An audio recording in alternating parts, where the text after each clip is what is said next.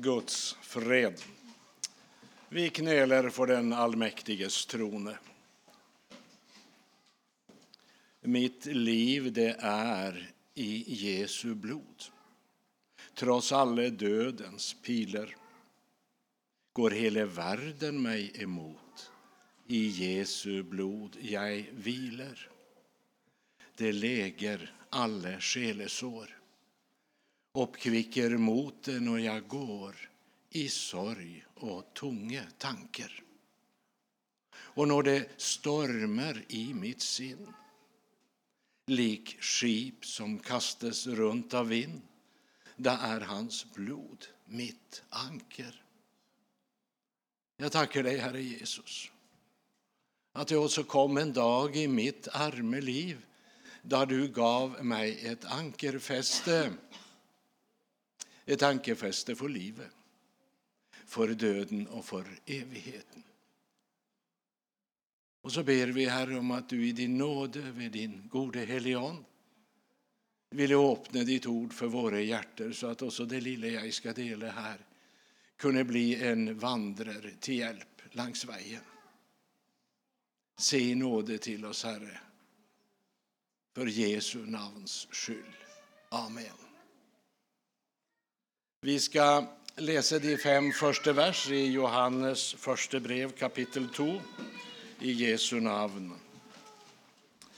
Mina barn, detta skriver jag till dere för att dere icke ska synda. Och vis någon synder har vi en talsman hos Faderen Jesus Kristus den rättfärdige. Och han är en soning för våra synder. Och det är icke bara för våra, men också för hela världens. Vid detta vet vi att vi har lärt ham att känna om vi håller fast på hans bud.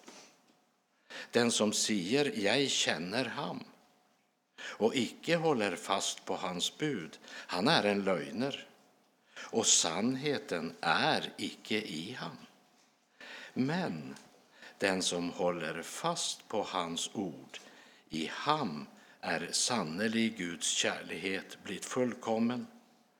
Av detta vet vi att vi är i ham. Amen. I det andra kapitlet i det första brevet hos Johannes eh, så talar han om den troendes liv i vardagen, eh, troens konsekvens eller troens frukt om du vill. Och så talar han om den kristne bekännelse. Vad har Guds ord ellers att säga eh, när det gäller tro och bekännelse? Ja, i Romerne 10 säger Paulus, för där som du med din mun bekänner att Jesus är Herre och i ditt hjärta tror att Gud reste han upp från de döde, då ska du bli frälst. Med hjärtat tror en till rättfärdighet, med munnen bekänner en till frälse. Eh, du skönner, för mig gick det tre dagar efter att jag blev omvänd innan jag bekände för någon att jag var kommit till tro. Det var liksom vanskligt på en måte. Och eh, jag hade fått hjälp och vägledning. Jag hade bekänt min synd, jag var blivit bett för. Men alltså, frälsesfryden blöt icke ut förrän jag blev nött att bekänna. Och, och jag, jag måste säga blev nött för jag var fångad upp i ett hörn där jag nästan inte hade något valg. En av de gamla kamrater, han visste ju heller inte något. Och så sa han, kom Kurt ska du få se vad jag har. Och du vet, jag var ju livrädd för att komma i kontakt med någon form för alkohol, för jag visste att det hade haft makten över mig så länge. Jag visste det kommer jag inte ut av, det gäller bara att hålla mig undan. Och så säger han, kom här ska du få se vad jag har. Och när vi kom in i den där hålen eller omklädningsrummet eh, så trackade han upp sin halvliter. Och så uppdaget jag att jag vill icke ha. Det är vanskligt att fortelle. När du har strävt och slitit i årevis och tapt. Och så är du löst. Så det bröt bara ut. Jag sa halleluja! Han blev ju helt chockad. Och så sa han, är du blivit frälst? sa han. Ja, vad skulle jag säga? Jag kunde ju inte ljuga. Jag sa, ja, sa jag. Ja, ja, ja, det är säkert inte det värsta, sa han, och så löp han. Och då spred det ju som en ild. Och så började jag att bekänna att jag tillhör Jesus. Jag fick frimodighet till det för det att jag fick hjälp till att se bort från mig själv. Se att det är ingenting som är förankrat hos mig, men hos han. Och alltså, bekännelsen är följer Guds ord en viktig del av troens liv. När jag satt med det här kom jag att tänka på han gamle skotten som för väldigt många år sedan under någon möte de hade i Skottland. Evangelisten berättar att han satt där på någon av de första bänkarna den första uke och den andra uken när mötena fortsatte. Han satt där på någon av de första bänkarna och lyttet och gråt varje kväll. Och så sa evangelisten, men du, du, du må göra upp. Du må ge det över till Gud. Du må bekänna din synd. Nej, sa jag kan inte. Ja, men sa han, du tror du det du hör? Ja, sa han. Förstår du att du må bli frälst? Ja. Ja, men varför inte komma ikväll då? Jag kan inte, sa han. Varför kan du inte? Nej, sa han, för jag har hört att vis man blir en kristen så må man fortälla det för andra och det kan jag inte tänka mig, sa han. När det begynte på tredje uken så sa evangelisten, vet du vad? Nu ska jag lova dig att om du ger det över till Gud ska du icke tränga och si det till ett enaste människa. Men bekänn din skyld och synd och be Gud om tillgivelse. Så att vis han kommer i natt så vaknar du i himlen och icke i förtapelsen. Och du tränger icke att si det till ett enaste människa. Är det sant? Ja, sa han.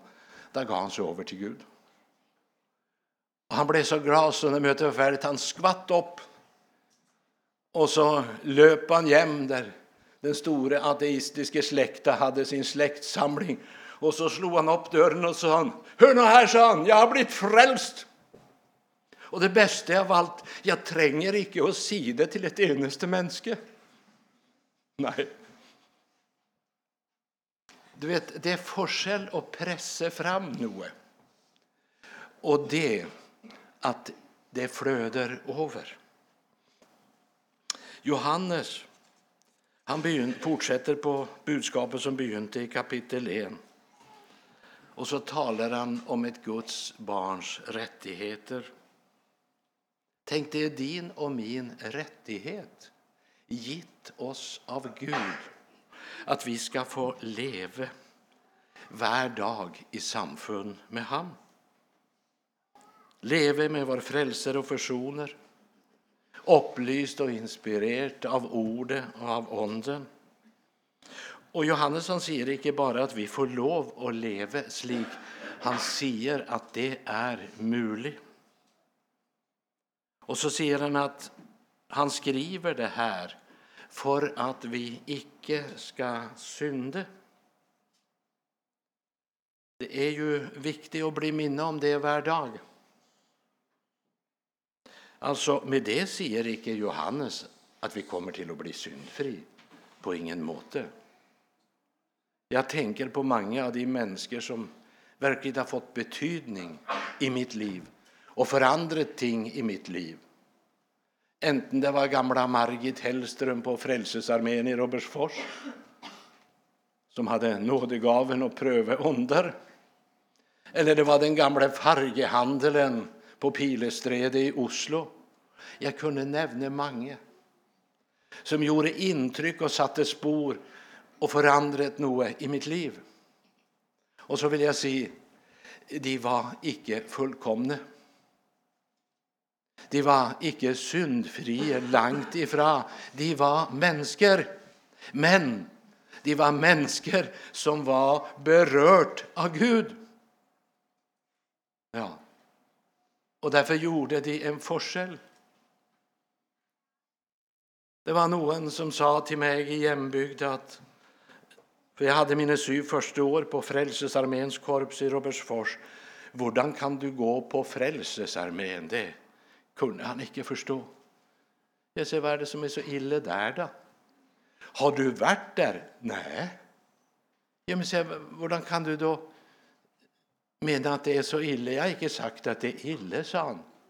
Men det är ju ingen ungdom där. Nej, Nej och det var sant. De var lastgamla hela gängen och jag var 19. Jag var den enaste unge. Men jag skönte inte spörsmålet. Ja, men sa han, hur kan du gå där? Jag sa, vad menar du? Ja, men du möter ju ingen unge där. Nej. Men vad så? Jag går ju icke på möte för att möta unge. Jag går på möte för att möta Gud.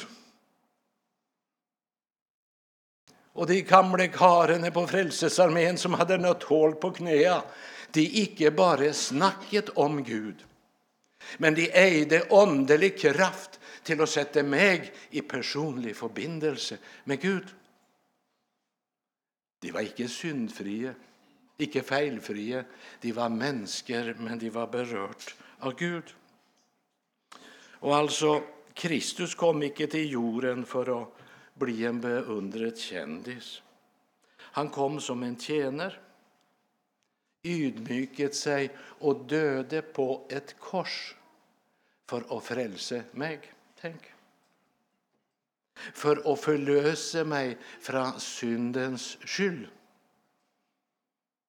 Jag vet inte hur länge jag hade varit frälst när jag kom över en liten bok av en som hette Luther. Och det blev ända ett vändepunkt. För hör vad reformatorn säger. Kristus har icke alene köpt oss frie från syndens skyld. Han har i sannhet också förlöst oss från syndens makt. Så långt doktor Martin Luther. Och det var viktigt för mig att möta Luthers förkynnelse. Eh, för jag, jag trodde det var vanligt att alltid leva i nederlag i kampen. Men så förtalte noen mig att vi är också friköpt från syndens makt. Icke så att det inte frister oss längre, icke så att vi icke kan falla men vi väljer icke det. Alltså troens liv och troens vandring inbyr Johannes oss till. Och Johannes säger det att den troende han kan fortsatt välja och leva efter sin gamla natur. Det kan han. Men det är icke längre en ufrakomligt valg. Det är en avgörande forskjell i det som beskrivs i kapitel 7 i Romerbrevet. Under syndens välde, så var det umulig att icke synde.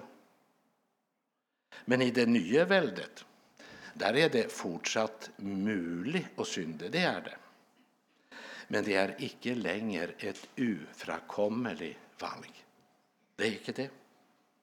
Genom Kristus och Guds helige Ande forløses mennesket til å si nei til synden og ja til Gud. Du skjønner, Jeg har ikke kommet lenger enn at jeg må si ja til Gud hver eneste dag. Når jeg våkner til en ny dag, det er som jeg ikke skulle være omvendt, men jeg, jeg må begynne med å si ja til Gud. Jeg må begynne med å si 'jeg forsaker i dag'. Ja, for det er forsakelse noen ganger. Mitt gamle kjød avskyr ikke synden. Jeg forsaker i dag djevelen og alle hans gjerninger. Og jeg tror på Gud Fader allmektig, himmelens og jordens skaper. Husk at Jesus sier 'Jeg er veien'. Og så er vi kalt å følge den samme rute. Mine barn, dette skriver jeg til dere for at dere ikke skal synde. Og hvis noen synder, har vi en talsmann hos Faderen, Jesus Kristus den rettferdige. Jeg er her i dag for å minne deg om det. Du har en talsmann. Og han står nettopp nå innfor Faderen.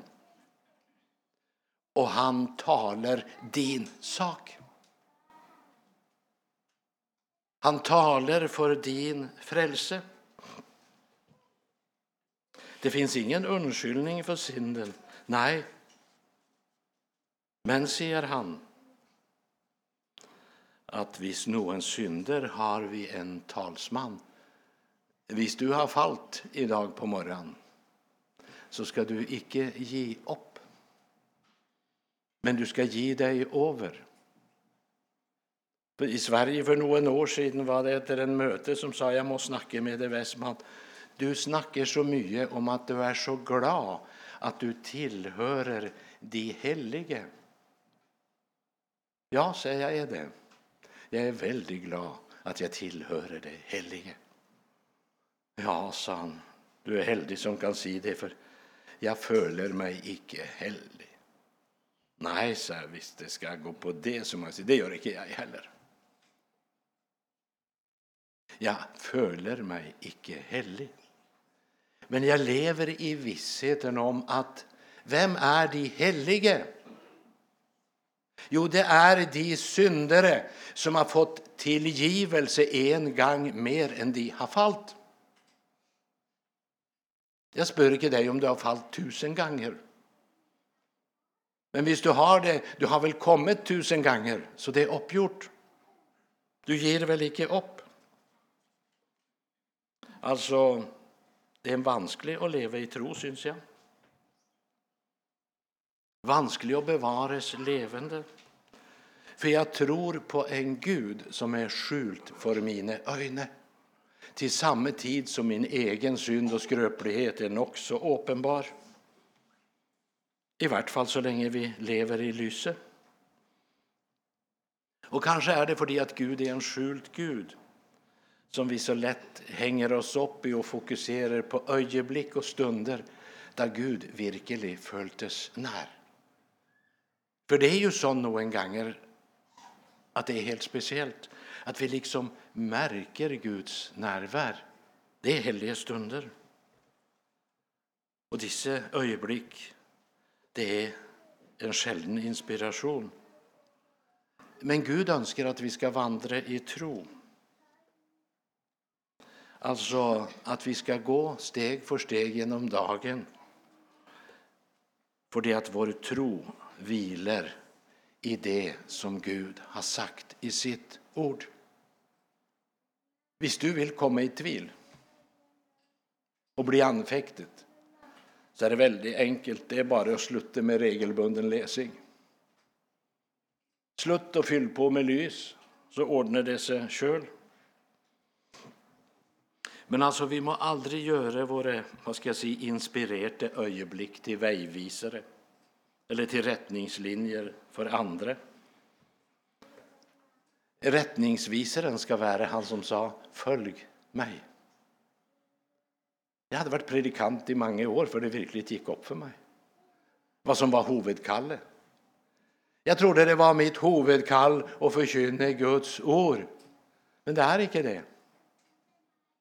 Mitt huvudkall i dag detsamma som hösten 66. Mitt huvudkall är - följ mig! Det är han jag ska ha fokus på. Det är han jag ska följa. Det andra tar han sig av. Och så får jag ha tillit till det Gud har talt. Vi må huska oss att Gud han kan träcka tillbaka den följbara nåde för att troen ska växa och tåle att bli prövet. Eller vi tränger att bli ydmyket. Vid detta vet vi att vi har lärt ham och känna om vi håller fast på hans bud. Den som säger jag känner ham och icke håller fast på hans bud, han är en lögner och sannheten är icke i ham. Men, och lägg märke till sättningen här, men den som håller fast på hans ord. Där står det icke den som håller fast på hans bud, men den som håller fast på hans ord. Det han har sagt, det han har lovt, det han har gjort. Det är därför Kelifen hela tiden prövar att få väck mitt fokus från det. Han är inte så nöjd om det skulle ha det mest underliga skinn, bara det icke är Kristus. Alltså, vi kan icke äga visshet om vi lever i bevisst ulydighet. Viss synden är vårt valg. Det var på ett korps ganska långt nord i Sverige. En eh, man kom till tro. En alkoholist. Men det gick väl gärna två uker någon gång i tre och så brast det. Och så begynte han om igen och så gick det någon gånger och så brast det.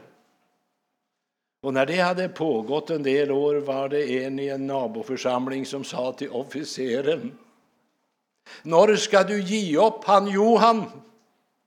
Jo, sa officeren, det ska jag fortälla dig när han slutter och puste.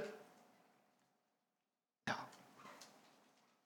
Jag vet icke vad du sitter fast i. Själefienden vet vår gärde är lavest hos oss alla. För en är det ett, för en annan är det något annat. Och han vet var han ska gå, icke sant? Men det är att jag tör att stå här idag, selv om jag känner mig själv lite. Det är för det att han har sagt att jag ska hålla fast på hans ord. Och vad säger detta ord? Jo, det säger att det har nettopp nå. Och det har du också, hos det. Akkurat i detta ögonblick har du en som står föran Faderen och talar din sak. Tänk alltså. Det, det, det är nog. Jag måste säga det idag på morgonen när jag satt och läste. Ja, Gud säger det är sant. Ja. Okej, då ska jag präka idag också.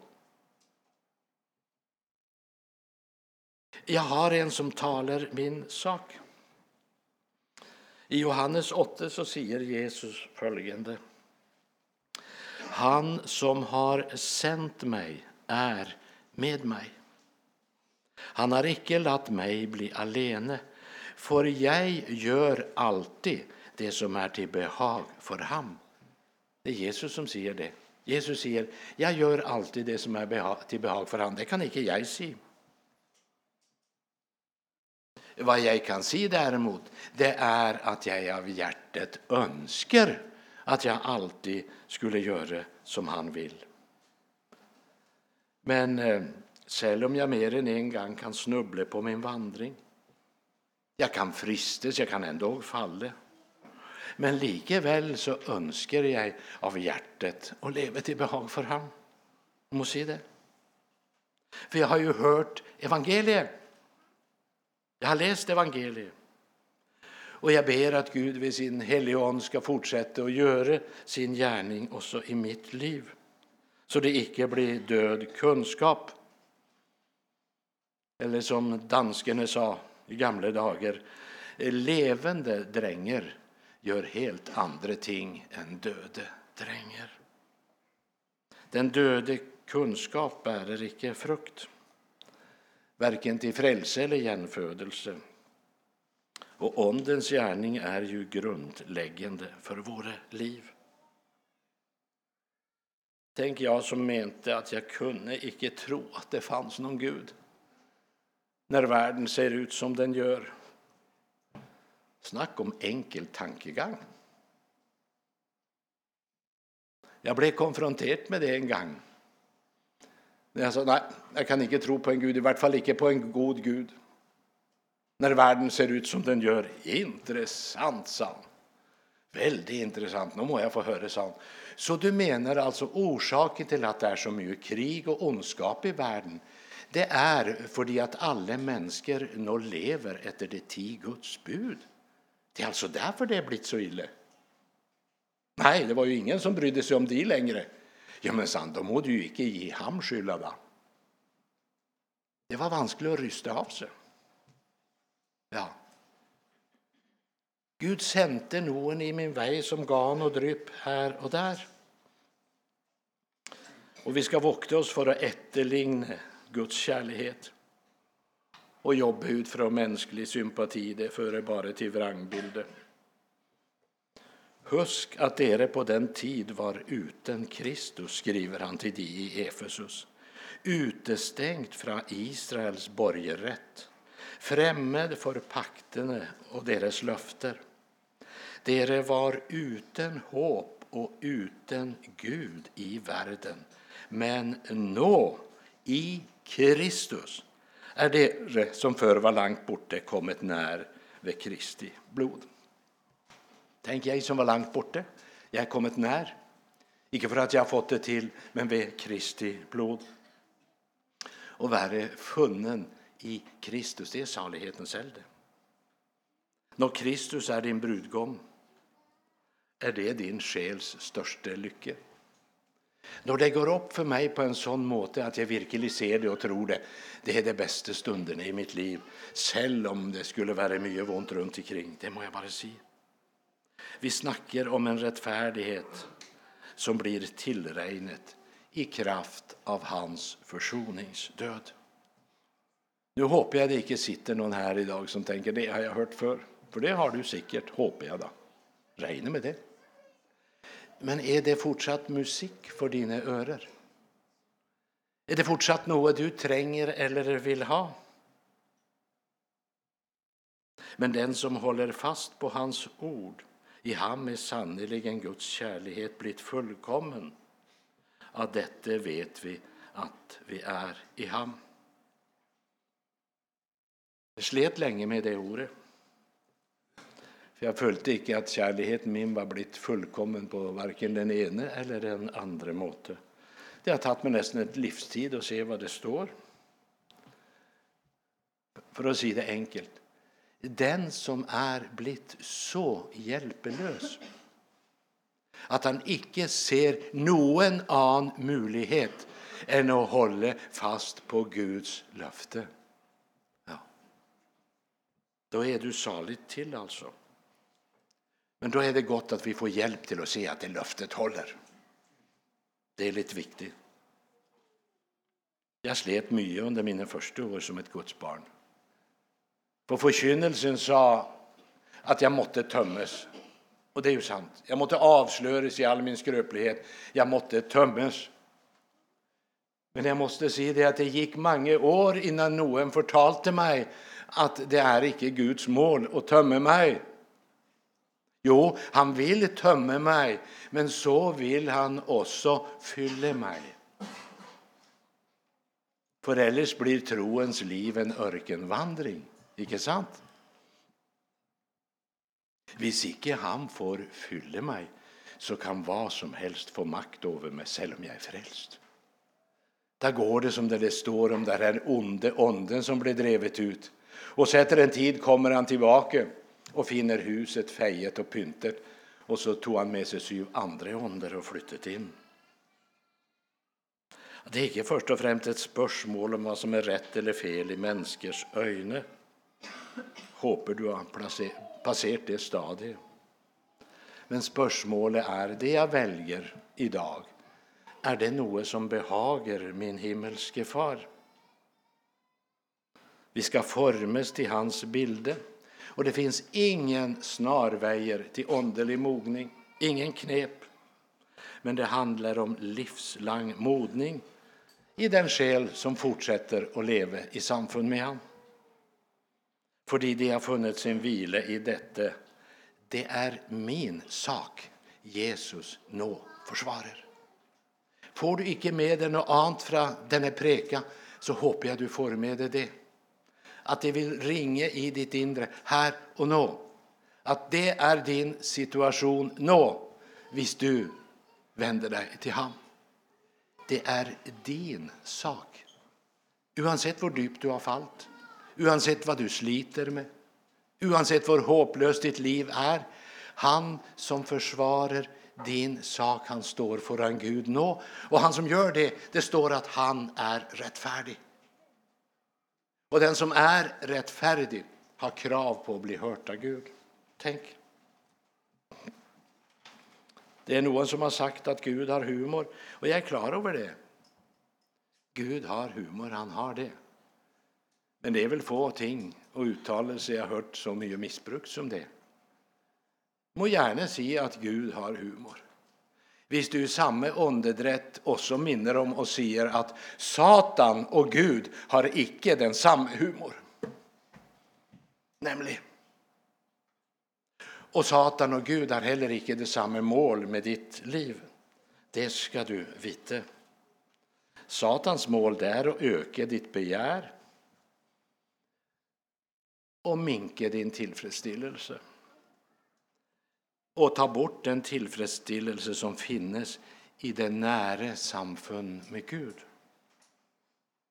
Guds tanke med dig det är att ditt begär ska komma under troens lydighet och att din tillfredshet ska växa. Håll fast vid Guds ord eh, slik att hans kärlighet får nå sitt mål i ditt liv. Detta skriver jag för att dere icke ska synda. Och vis någon synder har vi en talsman hos Fadern, Jesus Kristus, den rättfärdige. Jag vet, jag har sagt det förr, jag gentar det bevisst. Och akkurat nu står han inför far och talar din sak. Jag skulle ej sörge. Jag har ju en vän som bär på sitt hjärta min nöd. Den vännen är Jesus. Han älskar mig än. Han älskar i liv och i död. Prise Gud. Jag ska avsluta med att läsa ett dikt som Dag Arnesen har skrivit. En Herrens man som är hemma hos Herren nu men som eh, jobbat på Jennestad. Och jag hade privilegiet att bli lite känd med han den korta tid efter att jag kom. Och jag ska citera ett av hans dikt. Och han sa det slik att det här diktet det är som en tänkt samtal mellan Gud och Jesus på Golgata. Ärvärdige far, ärvärdige far, jag har stött på en kar jag kunde tänkt mig att ta med mig hem. Han har det icke så bra. Han dör nog idag. Och han har visst nog varit ganska slem. Ta han bara med, för jag vill du ska se att det verk du har gjort vill bestå. Jag känner ju den karn, han var vill allt som barn, var mulig att få orden på. En moder och röver vad om han behöver mer tro och anger i sitt sinn. För en slik röver må kanske ha pröver för vi kan slippa ham in. Nej, si bara fra. Han kan bli med idag. Hils ham och si, jag sa ja. För när verket är färdigt, då är han fullt värdig av troen ren och rättfärdig. Jag tackar dig, far. Jag ska se att du har reserverat en plats vid ditt bord. Nå är allt snart klart, så nå kommer vi snart jämder nåde och kärlighet bor. Jag skulle ej sörja, jag har ju en vän som bär på sitt hjärta min nöd och om den glädjen kunde få bryta ut i ditt sinn idag. Alltså, det är nog i mitt liv att sörja över. Det är några ting som skulle ha varit annorledes, jamen. Men jag skulle ej sörja. Jag har ju en vän som bär på sitt hjärte min nöd, och det har också du. Och vis noens synder, så har vi en talsman hos Faderen. Jesus Kristus den rättfärdige.